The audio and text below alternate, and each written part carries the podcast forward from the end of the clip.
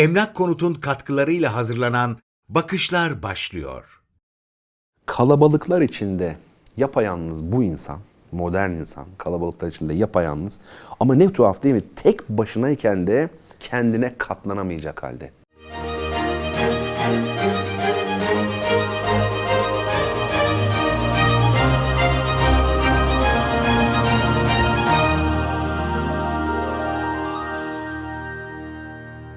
Efendim bütün My Mecra izleyicilerini, Bakışlar izleyicilerini hürmet ve muhabbetle selamlıyorum.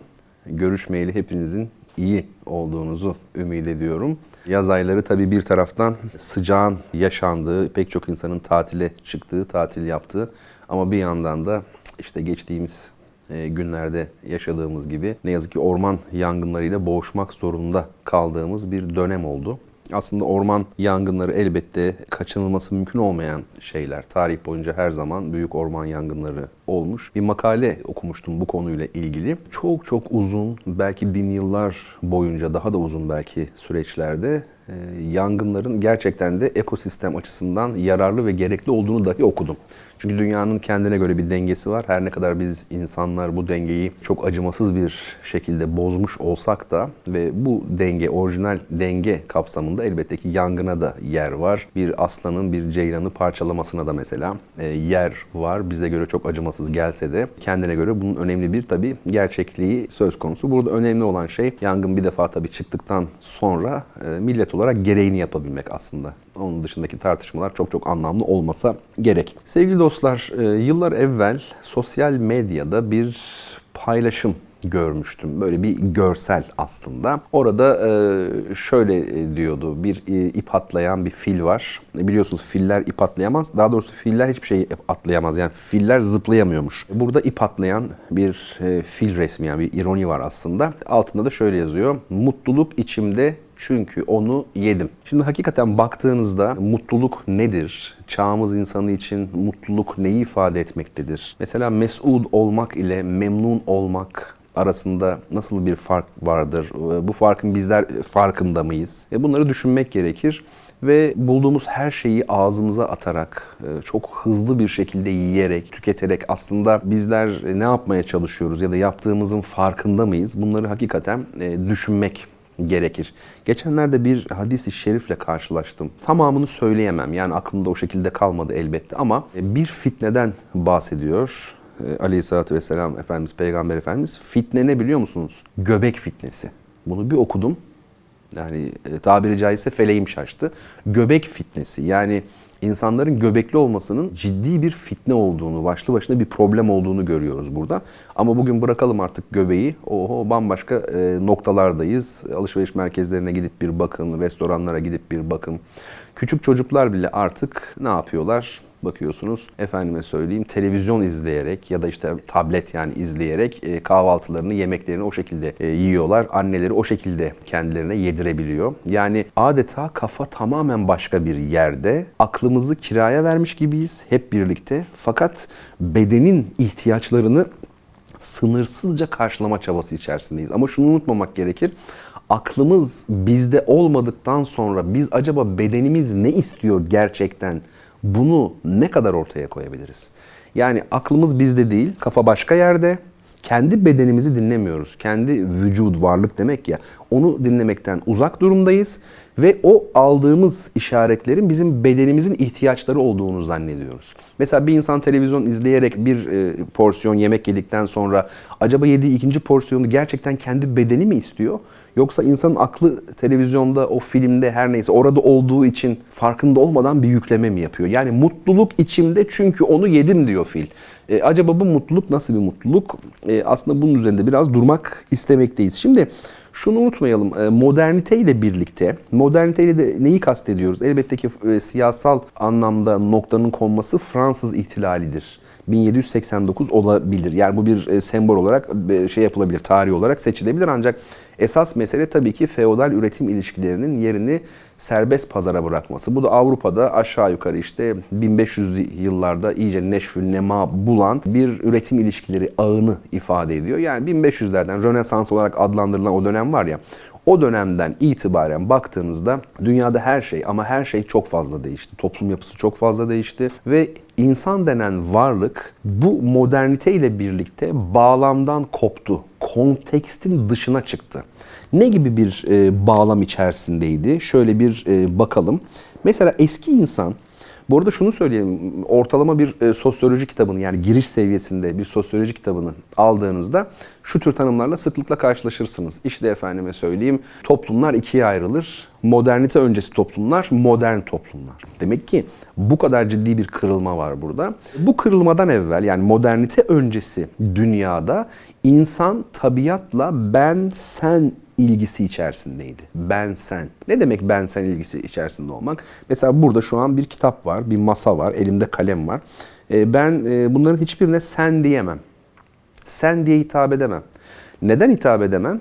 Çünkü onlar cansızdırlar genel kabule göre. Cansız oldukları için de efendime söyleyeyim ben onlara e, sen dersem onları kişileştirmiş olurum aslında. E, o açıdan bakıldığında da e, ben sen ilişkisi tek parça olmayı ifade eden bir ilişki. Yani insan tabiatla e, tek parça. Yani şey gibi düşünelim bir bebek ile annesi gibi düşünelim. Bebekle annesi yani bebek açısından tek varlıktır. Bir bebek böyle söylüyor çalışmalar bunu gösteriyormuş.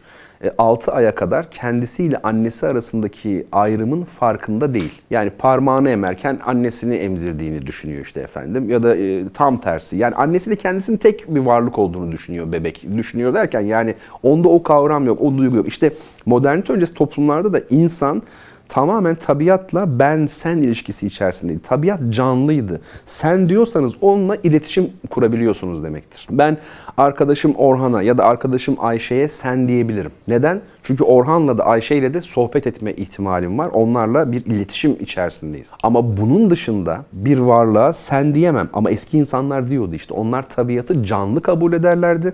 Yani Kızılderililer gibi düşünün. Ben bazen söylüyorum tevhidi bu yönüyle anlamak için Kızılderilileri düşünmek e, çok etkili bir yöntem. Gerçekten. Yani işte son e, ağaç kesildiğinde, son balık tutulduğunda falan var ya meşhur bir Kızılderili sözü. Beyaz adam paranın yenilmeyecek bir şey olduğunu anlayacak diyor. Baktığınız zaman tamamen tabiatla bir bütün haline gelmiş. Onunla ben sen ilişkisi kurmuş bir toplumsal organizasyondan bahsediyoruz biz Kızılderililerde. Yani bu doğu toplumlarında da böyledir. Aslında dünyanın tamamında böyledir. Nerede değişti bu? İşte Avrupa'da modernite adı verilen o büyük kırılmayla birlikte değişti. Bu kırılmadan sonra insan denen varlığın çevresiyle yani tabiatla olan ilişkisi ben sen ilişkisi olmaktan çıktı. Yani artık tabiatı canlı gördüğü için ona hürmet eden, onunla iletişim kurabildiği için ona sen diyen, kendiyle onu aynı özden bir bütün olarak gören bu insan artık bambaşka bir insan haline gelmeye başladı ve ona şöyle diyelim sen ben yani ilişkisi yerine yeni bir ilişki modeli geldi. Ben o. Yani ben sen değil, ben o. Modernite öncesi insan tabiatla ben sen ilişkisi içindeydi ama modern insan tabiatla ben o. Peki bu ilişki ne demek? Ben o ilişkisi. Ben artık özneyim. Ben özne oldum. O zaman karşımdaki de ne oldu? Nesne oldu. Ona artık sen diyemeyiz. Çünkü onunla bir diyalog kurma imkanım da yok. Yani öyle bir şey benim isteğim de yok bu konuda. Peki ne yapıyoruz? Ben senin üzerinde işlem yapıyorum. Yani sen benim artık bir anlamda nesnemsin ki zaten kapitalizm demek tabiata ciddi anlamda müdahale etmek demektir. Öyle değil mi? Efendim mesela büyük projeler yapmak, işte efendim yani nesne, şu kitabı okumak mesela bu kitabın nesne olarak e, efendim işlem görmesi demektir. Yani aktif olan bir özneden bahsediyoruz burada. İnsanın kendini tabiattan ayırdığını söylüyoruz ve bu tabiat üzerinde işlem yapma hakkını kendinde görebildiğini söylüyoruz. Dolayısıyla sağ el sol ele zarar vermez değil mi aynı bütün içerisinde olduğu müddetçe. Ama işte e, artık sağ elle sol el gibi değilse yani biri ben öbürü de oysa o diyorsa burada zarar vermek gibi bir şeyde bir kavramda düşünülemez. Şimdi bebek önce yani annesiyle birlikteyken tek bir varlık olarak algılıyor. Fakat daha sonra karşısındaki kişinin kendisi olmadığını anlıyor. Biri var orada. Kim o? Ha, O benim annem. Bir, bir varlık var. Benden başka bir şey o. Dolayısıyla ona ne diyor? Sen diyor. Sonra kendini algılıyor. Gerçek ben o zaman ortaya çıkıyor. Yani sen olmadan ben olmaz zaten. Onun sen olduğunu algılayıp bu defa ben diyor. Tamam çok güzel sen ben. Bir süre sonra da bir üçüncünün varlığını hissetmeye başlıyor. Baba. Değil mi? O ne? O. Yani aslında ben sen o değilmiş. Demek doğru sıra neymiş? Sen, ben, o. O bakımdan dille ilgili çok dikkatli olmak gerektiği, dilin insanı her anlamda çok ciddi manada yanıltabileceği gerçeği sıklıkla vurgulanmıştır. Biz de bir kere daha burada vurgulamış olalım. Şimdi peki insanın içerisindeki yani insan kendisi konteksten koptu ama aynı zamanda insanın içerisindeki o boşluk çünkü mesela din süpürülmek zorunda kaldı. Yani reformasyonla birlikte Avrupa'da dini bir güzel toplumsal hayattan süpürdüler. Çünkü başka türlü e, serbest pazar ekonomisinin yaşaması mümkün değildi ve din süpürüldü. Tamam çok güzel. E peki insanın içinden çıkan bu manevi bu boşluk oluşturulan boşluk neyle ikame edilecek? Neyle doldurulacak? Din yok artık. Burada bir joker, bir kavram yetişti. Bir insan etkinliği nedir o? Sanat. Sanat o kadar yüceltildi ki Rönesans'tan sonra Avrupa'da. Açık konuşmak gerekirse bugün bir piyanistin mesela bir çeşit rahip yani din adamı olduğunu söyleyebiliriz aslında. Mesela o dininde perşembe günü konserleri olsun mesela hani var ya işte cuma kutsal gün işte öyle işte öyle diyelim biz şimdilik. İşte cumartesi, pazar günü her dine tahsis edilmiş mesela. E bu dine baktığımız zaman ne görüyoruz? Perşembe akşamları konser varsa e, var mı zamanı? Kutsi zamanı var mı? Var. Peki ibadethanesi var mı? E, konser salonları falan var. Peki rahip var mı? Rahip kim? Rahip de mesela piyanist olsun. O nedenle bakın hiç eleştiremezsiniz dikkat edin. Her şeyi eleştirebilirsiniz ama yeter ki modern sanat görünümü altında bize sunulan etkinlik biçimlerini eleştirmeyin. O zaman kıyamet kopar. İşte bundan dolayı kopar. O da bir din çünkü ve onun da gerçekten e, takipçileri var, bağlıları var inananları var. Ha burada e, sanatı karalıyor muyuz? Hayır. Benim yıllarım sanatın içinde geçti. Hala da öyle. Sanat insan etkinliğinin en güzel, en saygıdeğer ve bana kalırsa e, Allah'a ulaşmada en kısa yollarından biri aslında. Çok çok güzel bir şey. O açıdan hiç öyle bir şeyim yok tabii ki. Düşüncem e, söz konusu değil. Ben burada bir gerçeği ortaya koydum. Yoksa biz sanattan niye vazgeçelim? Yani ateş gibi düşünün işte. Ateş. İyi mi kötü mü? Ya nasıl kullandığına bağlı. Ateş olmasaydı medeniyet olmazdı ama bakın bir taraftan da cayır cayır yandık yani. Değil mi? Bunun gibi tıpkı. Dolayısıyla insanın içinde var olan dürtü, güdü önemlidir. Onun sonuçları belki değiştirilebilir ama o güdüyle oynamaya elbette gerek yok. Yani ona ciddi manada saygı duymak lazım. Şimdi mutluluk için yemek yiyoruz. Çünkü içimiz boş. İşte orada bir manevi boşluk oldu. Sanat bunu giderebilmiş değil. Milyonlarca insan sanattan uzak yaşıyor bugünün dünyasında. Bu yoksullukla insanların yüksek sanatı alımlayabilmeleri mümkün mü? Gerçekten kolay değil. Dolayısıyla bu boşluk nasıl dolacak? Yemek yemek bunlardan bir tanesi. Dediğim gibi insan artık kendi bedenini, kendi ruhunu dinlemiyor. Biz dinleyemiyoruz. O kadar gürültülü toplumlarda yaşıyoruz ki bir dakikaya ben şu bedenimi bir dinleyeyim. Sabah kalktığımda bu beden benden ne istiyor? Bu ruh benden ne istiyor? Bunu anlama imkanlarımız son derece kısıtlı. Ne yazık ki. Çok fazla gürültünün olduğu yerde mesela insan iç sesini dinleyebilir mi? İç ses nedir hocam? İç ses vicdandır. Vicdan bir iç sestir. İman da iç sestir. İçinizdeki bir sesle başlar her şey. Öyle değil mi? Ama bu koşturmaca içerisinde, bu hayhuy içerisinde o sesi nasıl duyacaksınız? Nasıl dinleyeceksiniz? Dediğim gibi yani siz aslında mesela bir tabak yemek yiyorsunuz. Aslında ikinci tabağı siz derken ben de dahil olmak üzere tabii ki ikinci tabağı tamamen fazladan yiyoruz. Bu noktada nefs ile nefs ile tabiatı da birbirinden ayırmak lazım. Yani insanın nefsi başka bir şey, insanın tabiatı e, başka bir şey. Ancak bu ikisi arasındaki ilişki o kadar girift ve o kadar aslında yakın bir ilişki ki eskiler, büyüklerimiz e, nefs ile aslında ikisini birden anlatmışlar. Oysa bir tarafta da insanın tabiatı var. Bunu da unutmamak gerekir. Nefs, tabiat, boşluk, doldurmak, ikame etmek, efendim dinlemek, duyabilmek. Bakın bunlar hep aynı e, kavramsal çerçevenin içerisinde. İşte televizyon izlerken yemek yemeyelim diyorum ya. Çünkü dinleyemiyoruz kendimizi, bedenimizi dinleyemiyoruz. Mesela bir yemek yedikten sonra e, su içmeyelim. Aradan bir buçuk saat geçtikten sonra, iki saat geçtikten sonra dın, birdenbire bir saat çalacaktır. Su içme zamanı geldi. Bedenini size haber verecektir. Bunun namaz kılmakla da ilgisi vardır. Çünkü artık biliyoruz yıl boyunca her gün 7'de kalktım derseniz 7'de kalkmış olmazsınız aslında. Çünkü saat nedir? Saat güneştir o anlamda. Yıl içerisinde de değişir. Evet son bir şey söyleyip bitirelim.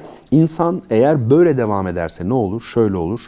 Kalabalıklar içinde yapayalnız bu insan modern insan kalabalıklar içinde yapayalnız ama ne tuhaf değil mi? Tek başınayken de kendine katlanamayacak halde. Tek başına kalamıyor. Elinde telefon başka bir şey. Tek başına duramıyor, katlanamıyor. Ama kalabalıklar içinde de yalnız bu tuhaflıklardan e, kurtulabilmek gerekiyor. Nasıl olabilir bu? Belki önümüzdeki programlarda da bunu konuşuruz. Çok çok değerli izleyicilerim. Efendim önümüzdeki Bakışlar bölümünde sizlerle tekrar bir arada olabilmeyi ümit ediyorum. Hepinizi Allah'a ısmarlıyorum.